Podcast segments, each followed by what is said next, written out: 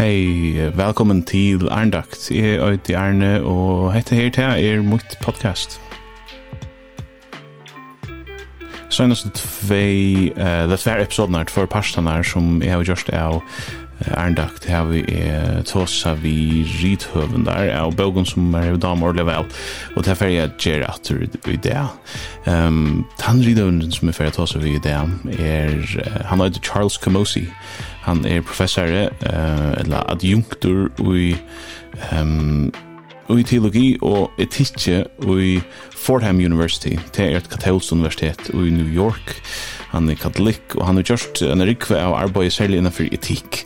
Um, som han sier til i samrøvene, så har vi gjerne for fyrr tåsa av igjen Eh, eller, til å si, at jeg gjør det til å skrive interview vi han. Um, og det var om hans bok som heter um, Beyond the Abortion Wars. Og um, han men men han bøk som vi tås vi han om i hesum personen er en som uh, um, resisting throwaway culture og han bøk handlar om hon sumar sin ut er sindur meira meira hva skal man säga ehm um, jeg har en hon røkker sin det vojar i en bära spurningen om fostertök og det er nekka som är virus med till en ek vi tog av snitt typ av det pratar vi om det.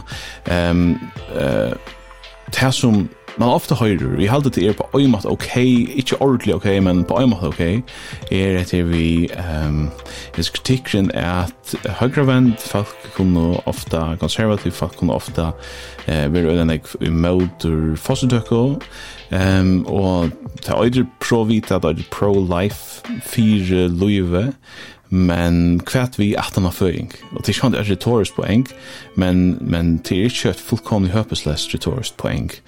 Ehm tøy at ofta virkar det som uh, kanskje ikkje så rann i førjun, men til dømes i Amerika er at han logikkeren som sier um, jeg vet det fire løyve han, han uh, stegar opp ta det kommer til til en rik av ørntingum um, imens fyrir hard man ekko om et her vi kvosse kanst du vera med fastøk med fyrir fyrir um, fyrir DRF-sing til dømes um, til ikke det samme munner vi eh fastri er og skildut med han ehm ideelt seg hvert fall hvis det fungerer som det skal så det er FC det er FC Nekas Mender eh vi just mother and som ikke area og skildur men som har just Neka eh som han kanskje er oppbord det I don't know men men kritikken er at vi ehm tað the grundlegend på engier du kan se sjø fyr mode fastøk i einan og så ikkje fyr en rik av ordning om til hvis du atta der vera etisk konsekventur så så fylgja det nokkur annar ting vi og og til tæs minna bøsen handlar om.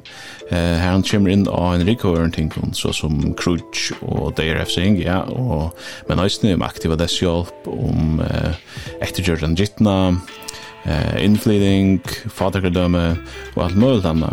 Hva skjer det nå hvis vi sier kan være fire løyven om?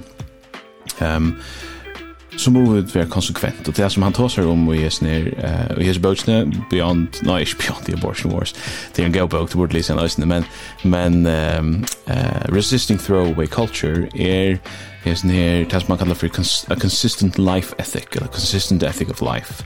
Det er vi at vi er fire løyvene og i ødlom føren. Tog er vi det møte fastøk, men vi er røysen i møte og rett for som krutjon til dømes, etla, vi er møte um, aktivar deshjálp, vi er remote etter Jordan Jitnai og så framvegis. Um, det er super interessant. Eh Vær sindur, vi hadde ikke så fryktelig gøy å tog til verre. Ehm det var ju ahåverst att ta sig mer om eh inte bara om fastök och det mesta av det vi tar så om handlar ju om fastök. Ehm men jag husar att det är okej till för det första att även i så showen som är eller av på värst värsta ta så om.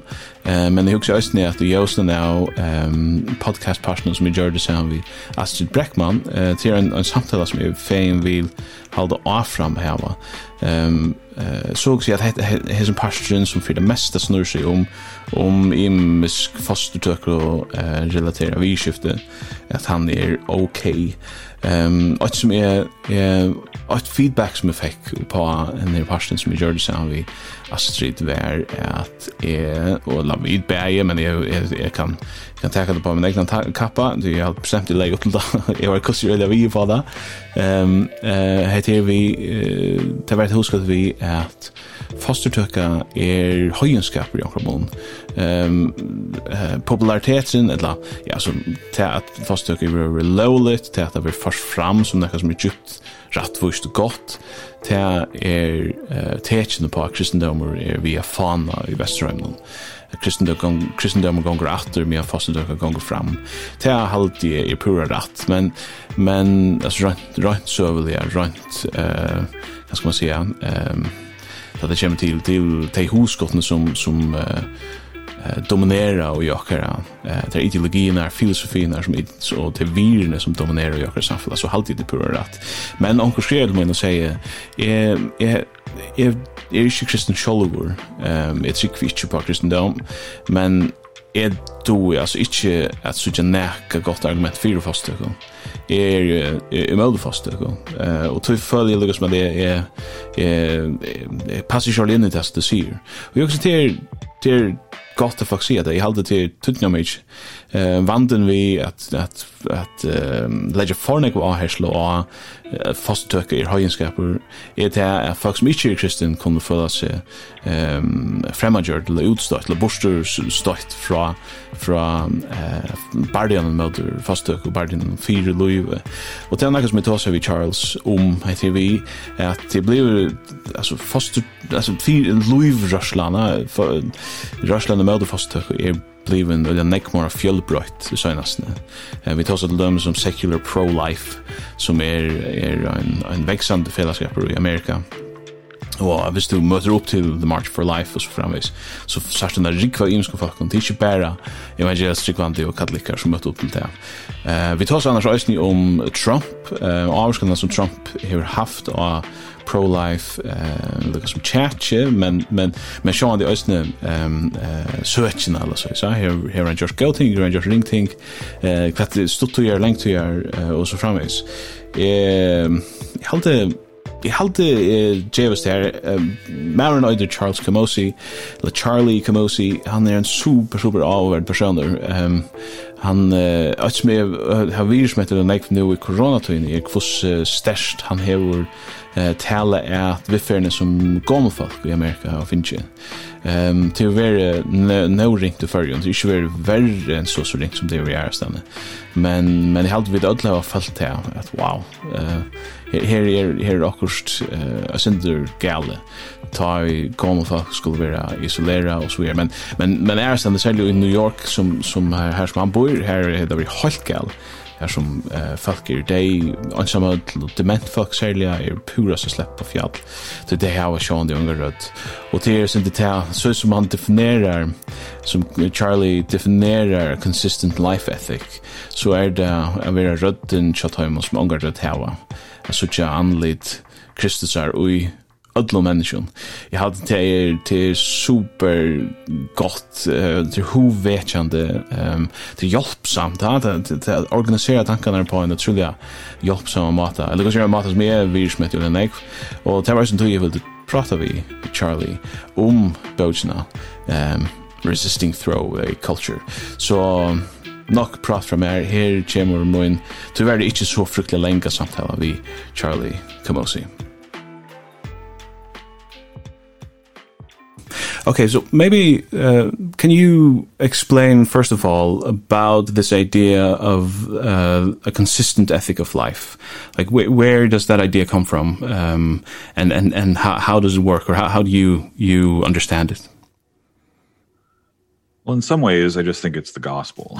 um I don't know if that's too simple, but um there everyone has a canon within a canon I guess, but I, a disproportionate number of people focus on Matthew 25 as being central to who their life as a Christian and and and finding the face of Christ in least among us which is a list of people right? It's the it's the naked it's the stranger it's the imprisoned. It's not um it's not one group it's a it's a large group and or several groups of people. And um a consistent life ethic is one that says yes let's look around for the least among us those on the margins those who can't speak up for themselves. But let's not um arbitrarily or even worse with explicit secular political goals focus on only one or maybe two of these populations. Let's apply our principles consistently across a range of issues. And um this was true actually i don't need to tell you from the beginnings of the church. So um one of the oldest documents we have um, from early Christianity is something called the Didache, which is kind of like a how-to to be an early Christian.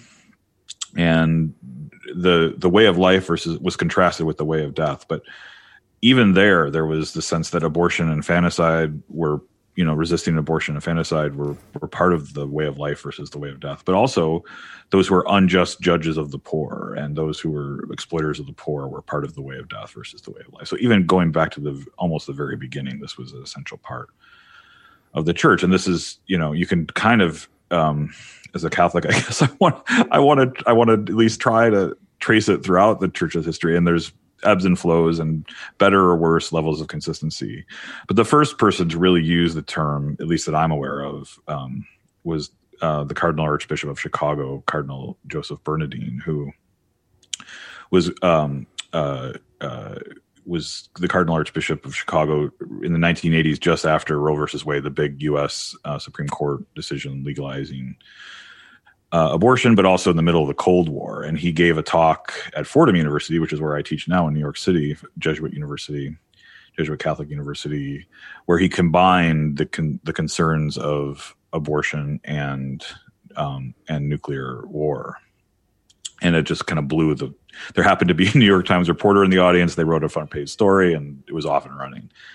Um since then uh you know popes like everyone from John Paul II to um you know Pope Francis have been explicitly focusing this but it still has I don't know like I guess I'll finish with this um I'm finish my answer with this.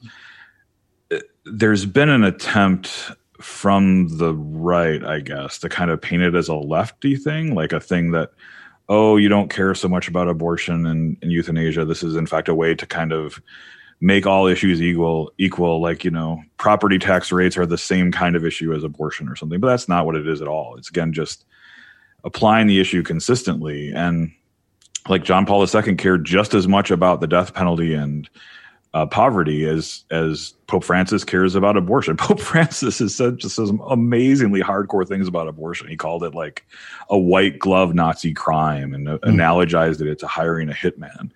So so it's very much part of that kind of way of thinking. The the reason why it doesn't get the kind of legs that it, it ought to though is because it tends to trouble the life the left right binaries which are so dominant in our political imagination. Yeah, that's a really interesting point. You often hear that sort of critique leveled at the pro-life movement. You only care about life until, you know, the point of birth, uh, whereas you just, you know, let people uh, loose or babies loose into the, you know, the free market or, or something like that to, to, I don't know, pull themselves up by their bootstraps if babies can do that. Um, um, and it seems like uh, you know well I I I'm pretty sure you would see the consistent life ethic as as a as quite an effective answer to that critique. Yeah, I mean to be clear there are people associated with the pro-life movements, I think it's better to say there's just such a diverse phenomenon at least in the United States. I think in many places around the world. Um um there are people who are kind of abortion um, single issue people. And I actually have a kind of grudging respect for it. I mean, it is such a massive issue mm. that I can understand why somebody would be drawn to that. My view, though, is that um, uh, it is just so intimately connected to, or even if it was your single issue, it's just so intimately connected to a range of other issues that it makes absolutely no sense to see it apart from that. Like there's just no reason to see again, even if you only care about abortion or mostly care about abortion, that to see it as apart from how we support single women in difficult situations, to see it apart from issues of domestic violence and intimate partner violence, to see it as distinct from prenatal care and healthcare um for women in in in vulnerable circumstances um to see it apart from uh childcare and and how we care for families um who are in financially and economically vulnerable situations.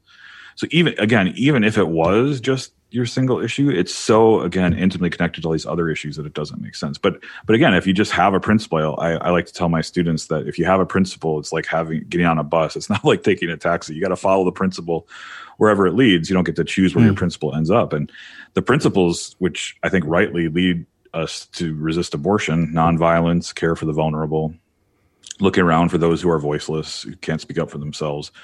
You know, you apply those principles consistently, it leads you it leads you to a range of other issues that you need to care about. Mm. I I originally um heard of you. I don't know if you don't know if you remember this, but I we did another interview a couple of years ago. Uh I remember, yeah. Yes. Okay, about about your uh book Beyond the Abortion War. So so I associate you with uh sort of um uh, ethics opposing abortion and you know activism. Uh, but I, I found it interesting reading through your book. It, it, as you as you're already saying you know the the consistent life ethic applies to all sorts of different issues. But you start out with uh, what you call uh, sex practices and cultures before you get on to, you know, obviously abortion, but also reproductive technology or biotechnology. Um, why is that? What, what, what do you mean when you talk about, um, you know, sex practices and cultures? Maybe, maybe this ties, also, ties up with, your, with the title, right? Resisting throwaway culture. Like, what, what do you... Yeah, yeah. What's that so title I guess it was doing, risky maybe? for somebody with my reputation to begin with that chapter because people would say, "Oh, we know who this guy is. Like mm. he's a pro-lifer and he's beginning with a chapter on sex." But um I don't know what it's been like outside of the United States, but at least in the US, we've had I mean it's kind of died down a little bit, but over the last 4 or 5 years there's been a really mostly from the left kind of focus on a, our sex culture, right? Like a culture of violence the me too movement has been kind of that kind of response to our culture of sexual violence.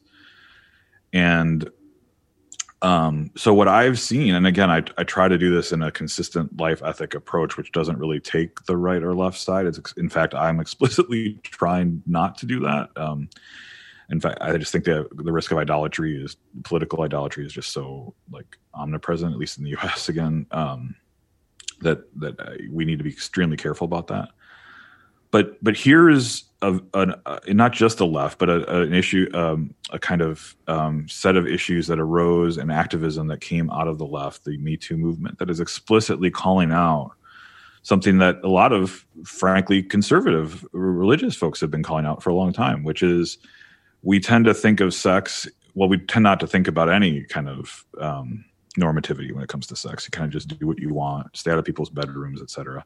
What's of course happened then is those who have power tend to dominate those who don't have power and use them as a mere means to their end. And we see this in a, across a range of issues that I take on in the book, but it, when it comes to our sexual cultures, especially hookup culture, we see that in I mean it's almost just like a perfect it's it's a horrible thing, but it's almost a perfect example of throwaway culture. It's turning a person into a thing turning their body into a thing that you use and then discard like so much trash. It's in fact hookup culture well there's maybe want to make a distinction between hookup culture and rape culture. Rape culture is what i just described. Hookup culture is a slightly different thing but i think related thing where two people decide to use each other. Like the whole point is to not see each other as human beings but as things to use and then discard. Mutual any kind of throwing emotional away, attachment. Yeah mutual. Um, and so I spend some time in the book trying to unpack that and, and to show the thing that a lot of progressive activists have shown, which is that hookup culture is very closely related to rape culture because it's the same kind of mindset, right, where you think of people as things that you can use. And power dynamics are often difficult to discern. So even if two people, quote, give consent, it's often the case that there's a power differential between them, which doesn't really mean that it's consensual. Or there's the power dynamics is just so different that even if somebody gives consent, there's kind of an implied coercion going on. So I mean, these are still very live issues, but it, but it, it was just such a perfect example of the, po the problem of throwaway culture, turning people into things that you can use and discard that I just wanted to leave with that one. Mm. So, so maybe that, that is uh, kind of a cultural, uh, not, a, not a basis, but one of the cultural pressures that leads into maybe some of the, the abortion uh, thing and reproductive technology. Is, is that the connection you're drawing? Yeah, yeah. So that's a big argument in the book is to try to connect the issues together um not just pr in principle but in in reality like i mentioned before the the issue of abortion is connected to so many other issues like childcare and how we how we think about economic vulnerability well hookup culture and sex are definitely connected to contraception and abortion right so mm. how we think about contraception and abortion and in particular abortion is directly related to how we think about sex. If sex is just this thing you do for fun on a Friday night, um, where you use somebody and discard them, well, then you need a way to like pretend that that's what it is, right? Hmm. But it's biologically speaking, not that, or at least not only that. And abortion is that, especially when contraception fails or is not used correctly, which is happens a lot, especially in our at least the US hookup culture, which involves alcohol almost all the time. So mm that are high failure rates when it comes to use of contraception. And abortion is kind of like the the the the fail safe there that if if you if you use contraception and it fails or you fail to use contraception abortion is always there for you to pretend that a, that sex is just this kind of thing that you can do for fun to use somebody and then discard them. And and it's another kind of throwaway culture right? It's another population that can be discarded. Um and and importantly throwaway culture helps us use language or offers us language that hides the dignity of the person that you're discarding. So we we already talked about how that happens with hookup culture. With abortion, we tend to use language like termination of pregnancy or reproductive rights or even the term fetus, I think. I don't know mm. what you think about this, but um you know wh when do we use the term fetus uh, we only use it in biology at least as far as i'm aware only in biology class and we're talking about abortion.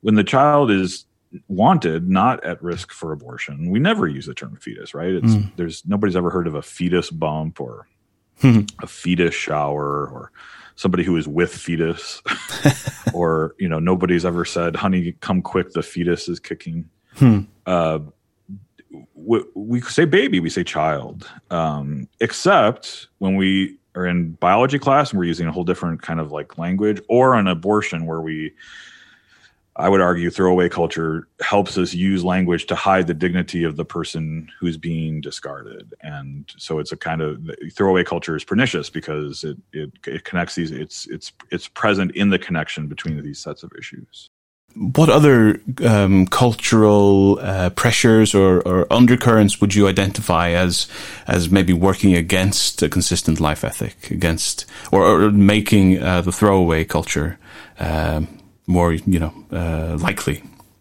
Right. So we can we can talk about what I just mentioned, which is you know the, the trying to erase a sexual mistake in the context of hookup culture. But as we discussed last time, I was on with you um there's a whole different set of contexts in which we need to talk about how throwaway culture works um when it comes to abortion. So uh as you know i think we talked about this last time the in the United States 50% of abortions are um had by women who've already had a child. So there's no reasonable sense in which they're anti-life. That's just ridiculous. Um but as i mentioned earlier there's a whole host of um uh public um uh like uh, coercion factors that we need to consider um which impact those decisions. Like for instance intimate partner violence is um correlated with 50% of abortions.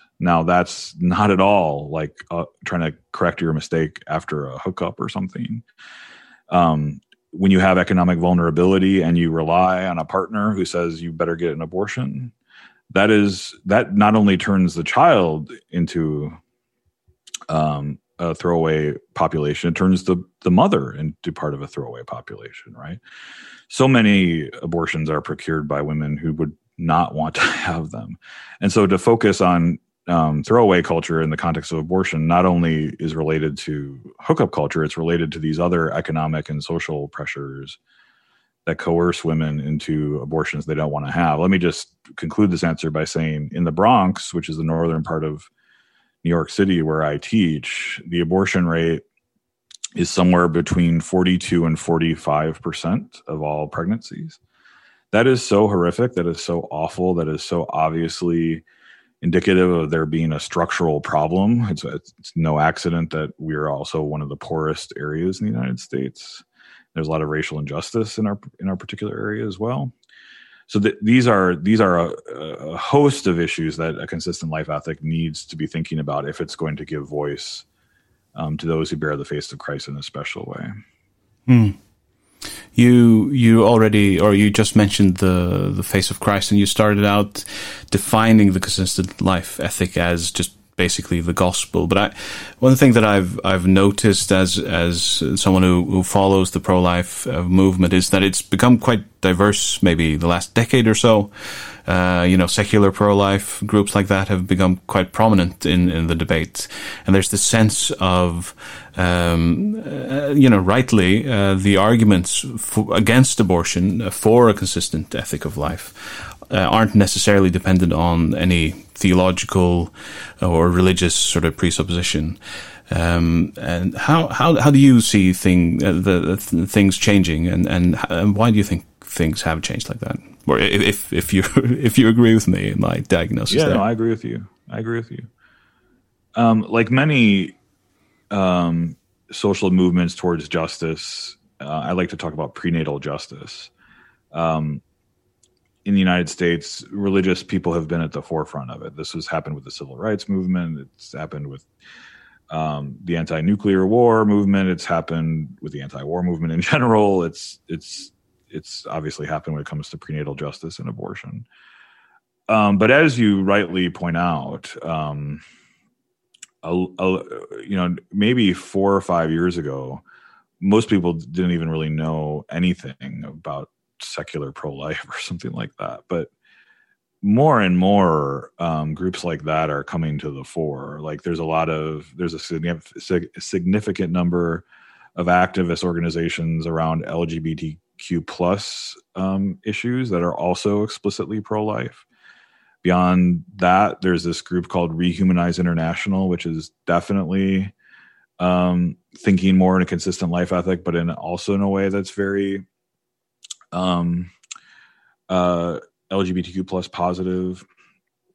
The uh the the focus that I've seen um in the last like you said few years is definitely one that's moved from a movement that was almost entirely driven by religious organizations and explicitly religious ideas to one that um is very very diverse when it comes to those sets of issues for sure. And and at the same time, uh, I I know you've been quite vocal about um what you see as the danger of of I don't know if if it if you if we could say the pro-life movement aligning with Trump or the other way around Trump sort of aligning with pro-life movement maybe I don't know the the interpretation might be that he's using the pro-life movement. Uh, whatever the case you've been quite uh, critical of of of that development. Um if I'm not I'm if I'm not mistaken he spoke at the the March for Life didn't he or? Trump was the first president to speak at the March for Life. Yeah and and you could see that as as a good thing but but obviously Trump is a I don't know if he's a uniquely divisive um, character, but it, it's certainly uh, the, a fact that polarization has grown even worse uh, the last couple of, you know, four or five years.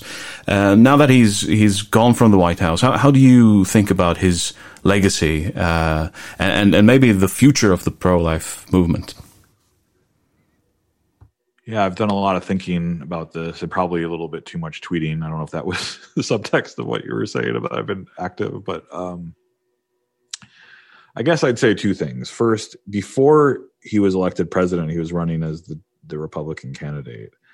I was extremely skeptical that he would do anything to help the pro-life movement or or anything in favor of prenatal justice. I thought it was just a straight up no chaser use of um pro-lifers to help him get elected to my surprise, he did several things to help. Um, he appointed justices at the pro-life. I mean, he didn't really do these things. He kind of delegated them to people and then just like followed through with what the people he's, you know, were in his orbit told him to do who are pro-life. I don't think he's pro-life um, at all. But I think he saw he saw a cal he made a calculation, he saw a benefit and he took it. Um, and so there are going to be, there have already been short-term gains and maybe even medium-term gains, depending what the people, I mean, we've had bad experiences with putting so-called pro-life justices in the Supreme Court in the past. They've not ruled in favor of prenatal justice, but, um, but who knows? It's, it's certainly better than what we would have got, um, had the alternative been in place. That said, um, I don't know if we can calculate the damage that's been done to have somebody like that associated with the pro-life movement, right? Like even for fair-minded people to say, well, the pro-life movement made a kind of deal, not with the devil, but they they made a deal with somebody who obviously didn't care much about their issue, who is so bad on so many other of these issues that are the consistent of life ethic of life cares about that are related to abortion.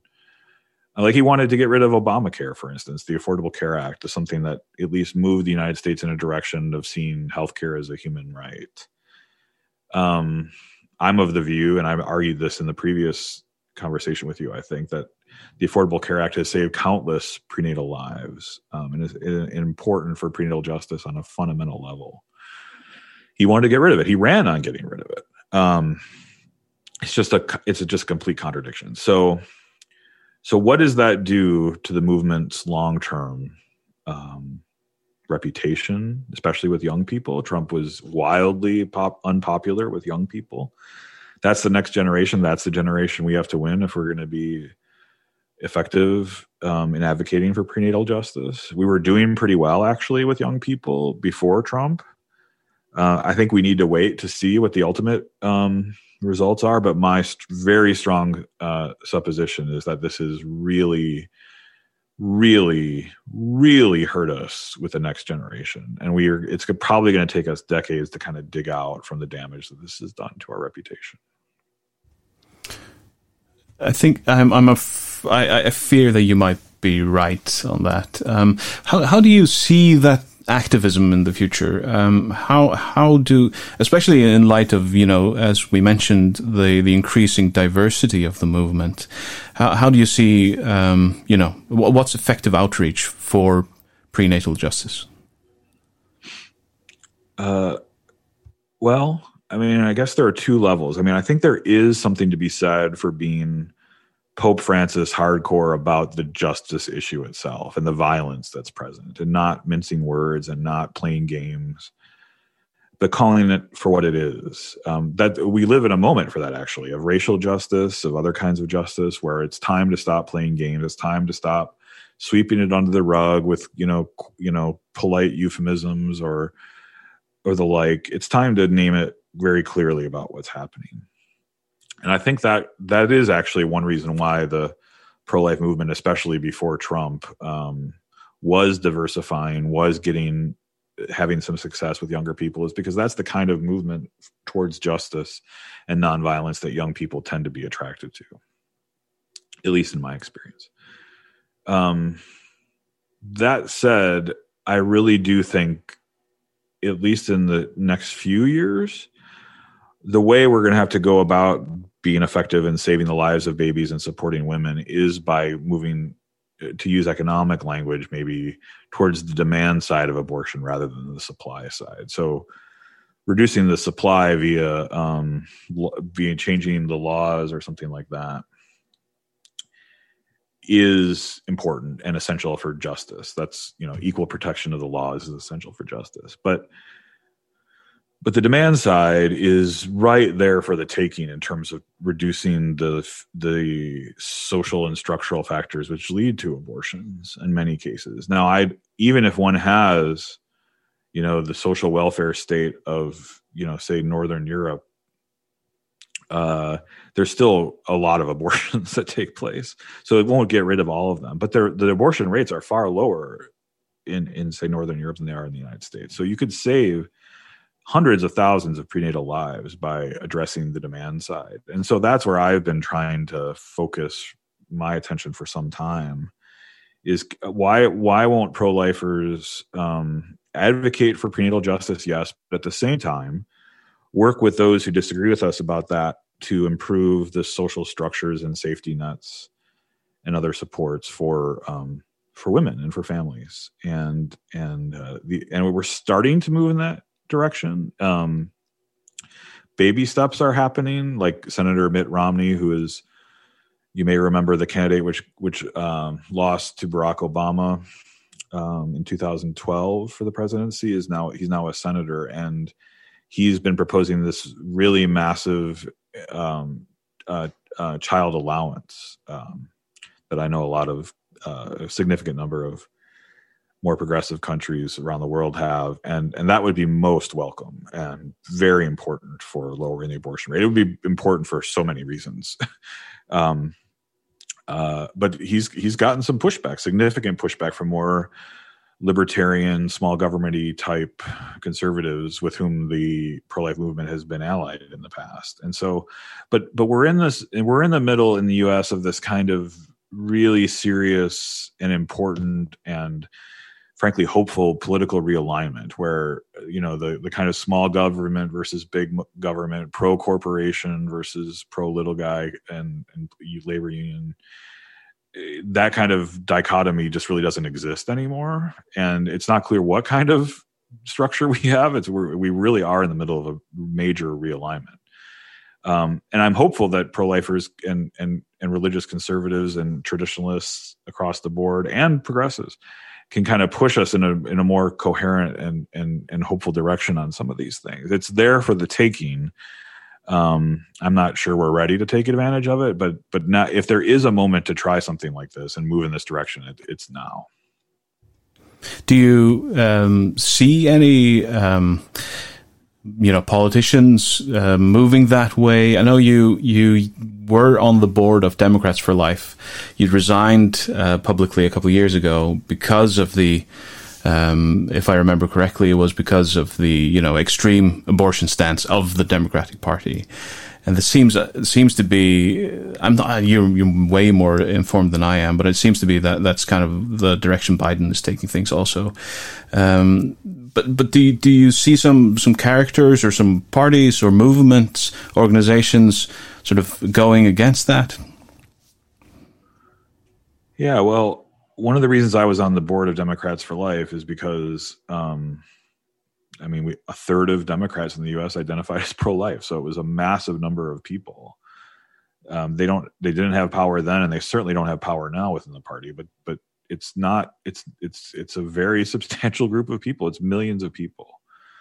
Um and so i i just always thought that that was the kind of direction to push um for reasons that hopefully this interview has already made clear. But i just i don't know like after years of doing this i had to I had to just be honest with myself and say these people are not only neutral about prenatal justice they're actively undermining prenatal justice. They're really working against it. They're enemies in fact of prenatal justice. So so I don't think we need to change the approach of trying to work with people who disagree with us, but like when it comes to working through the Democratic Party on these things, I just Pete Buttigieg, I don't know how closely any of, any of you or your listeners followed the um Democratic primary um debates or anything. He was kind of this moderate figure who very pro religion, very religious himself, who I thought would have a kind of moderate view on this. But even when he came out with basically no no restrictions on abortion at all. I mean using li straight up libertarian language, no one comes between a woman and her doctor. The law can't come between a woman and her doctor. I'm just like, well, this is done. I'm just done. Like the this was our only hope really for having somebody that would even be moderate or even open-minded on it and and he was not. He the pressure I think I actually think the pressure was such that he felt like he had to say that. I don't think that's what he or actually almost anyone actually believes. But the pressure was is and power works that way. So um I decided to to to that I couldn't be a member of the Republican Party at least as it was functioning then. Um so I looked around and I saw the American Solidarity Party, which is, you know, if you know anything about the political history of the United States, you know that in the last 100 years or so we haven't had new parties, but before then we had new parties all the time. In fact, the Republican Party was just born in the mid 19th century as an anti-slavery party, like just was just an issue-oriented party. And so I don't think there's any principled reason why we can't have that again, especially as we find ourselves in this political realignment here where nobody really knows. I mean, it's so interesting. I listen to a lot of conservative podcasts and nobody really knows what what the Republican Party stands for. There was no platform of the Republican Party going into the 2020 election. They didn't have one. There was no platform. Um they just knew that they were wanted to own the libs or something like that. uh that's not sustainable. So so that we have this moment of political ferment of political realignment, political creativity and i i am i am supporting a brand new party that's picked up a lot of steam as republicans have kind of done what they done what they did with Donald Trump. And it's it's very much a consistent ethic of life party. It's explicitly um it's explicitly a, a consistent ethic of life party. And uh and that's that's that's a place i can call home. In fact i'm just i'm just pulling up the twitter um account for American Solidarity Party as we talk and the first line is we support a consistent life ethic. So mm, there you go. Uh yeah. Yeah, that's excellent. Um I'm there's so much more we could talk about. You cover uh, a lot of different things in the book. Um you know, things like immigration, which is a super interesting topic and state-sponsored violence, uh, but I'm aware of of uh, of the time and I won't keep you much more. I just wanted to ask um Um, what are you working on at the moment? What's what's uh, in the pipeline? What's the next book?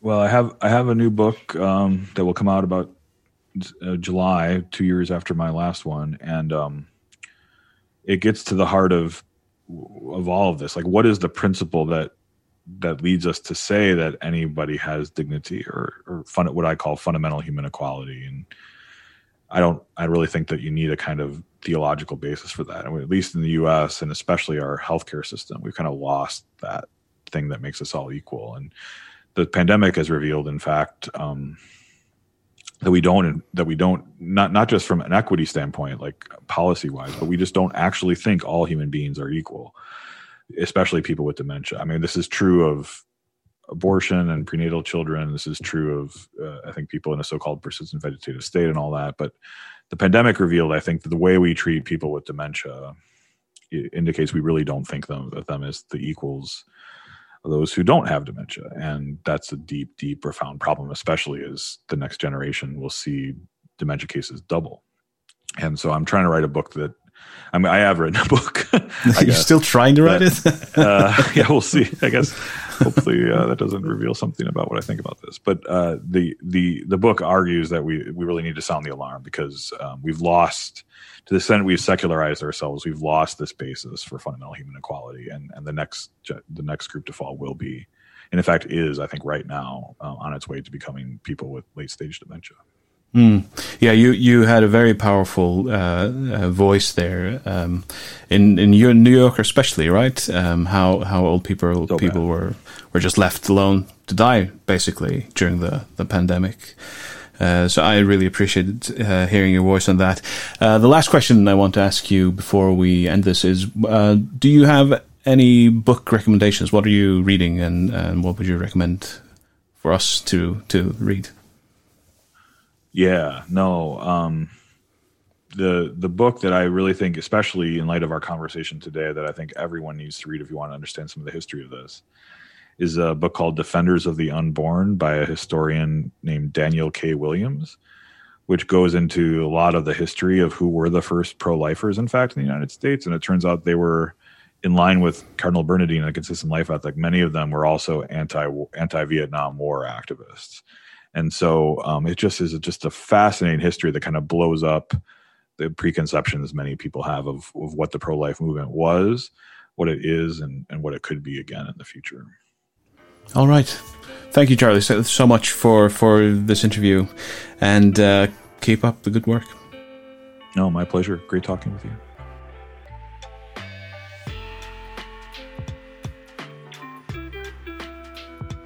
Hatta var Charlie Calosi, professor i kulturøye og etikje av uh, Fordham University her i Bru i New York. Han, uh, jeg, jeg pratet med en at han uh, ta i liksom samråd med li, og han tar seg om, uh, han nevner i, i, i, um, i samråden etter vi, vi fetus, så ungen tar seg om et fetus, og nøkner sammenhengen, og i en biologibok, men også i bortspøk, kjæsjen og foster kjæsjen. Og vi har ikke holdt det samme, foster, år og foster er ikke um, klinest i munnen av er. vi foster akkurat opp og så framveist, det er bare en pura vanlig lika som eh vanligt år som inte inte är mycket mina verk för sälja kliniskt men men hinvis så nämnde ju för en det som är vast i som då så om att det som eh arbetar för att få flower foster referion ta som en borst konsekvent. Och och och brukar inte år foster turka som heter förska eh obehagliga deskriptiva år och där skiljer man bara med att rent politiskt ehm um, Och det ja, det ja, det har också hast det nice nu. Eh det är på engine Peter Hitchens att eh vid vid leva i en tui här allt ska allt ska out tabuserast. Det var anchi öter blinkvhöjd, anchi öter anständighöjd. Allting skulle suttjast. Ehm utan fast döka. Det var man inte suttja. Till avvärst, till avvärst det til Østene, et poeng som Charles Gamosi hei, det er kanskje ikke det mest originale poeng i verden, men minst, jeg mener, min hødde assosierer det vi han, altså en bøk, Beyond the Abortion Wars, at uh, rønt uh, statistisk er stolen fire fastentøkker for nyer, eh uh, i takt vi at vi har finnst større og større innleid og hva er det noen som gong fyrir seg og i måløyve vi kunne fære til um, og få 3D-myndir så framme, så vi kunne sutja anlig til at jeg overfødde baden om. Knapplega er det ikke bare et fetus, er det ikke et en fremmand vera og stendig gomt her inne som, som uh, kanskje bare er en klumper av kiknum og så framme, Det er et livande menneska og i menning, vi er noen anleide. Hvordan kunne vi uh, teka det? Hvordan kunne vi fjerne det? Um, Anyways, hat hat av samtal. Jag hoppas jag hoppas att fuck helt och hon var avvärd. Är helt och var avvärd. Men de det tror jag väl att ta sig igen. Den tror jag Ehm Cloaker Amy Mauer ehm eh after the or who vetchande samtala haldi er verða fyrir meg kvar fall.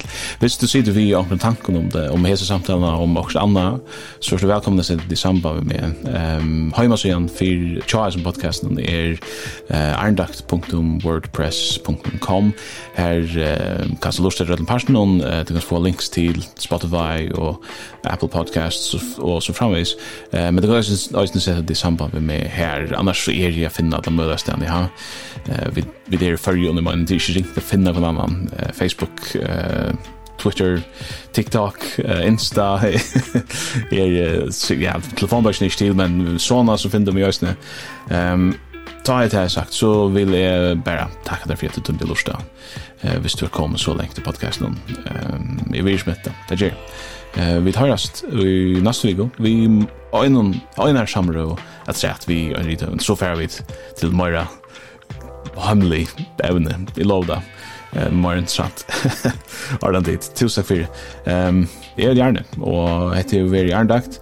Mitt podcast um, er super glad for at kunne gjøre det til, og at du tømmer at lortet.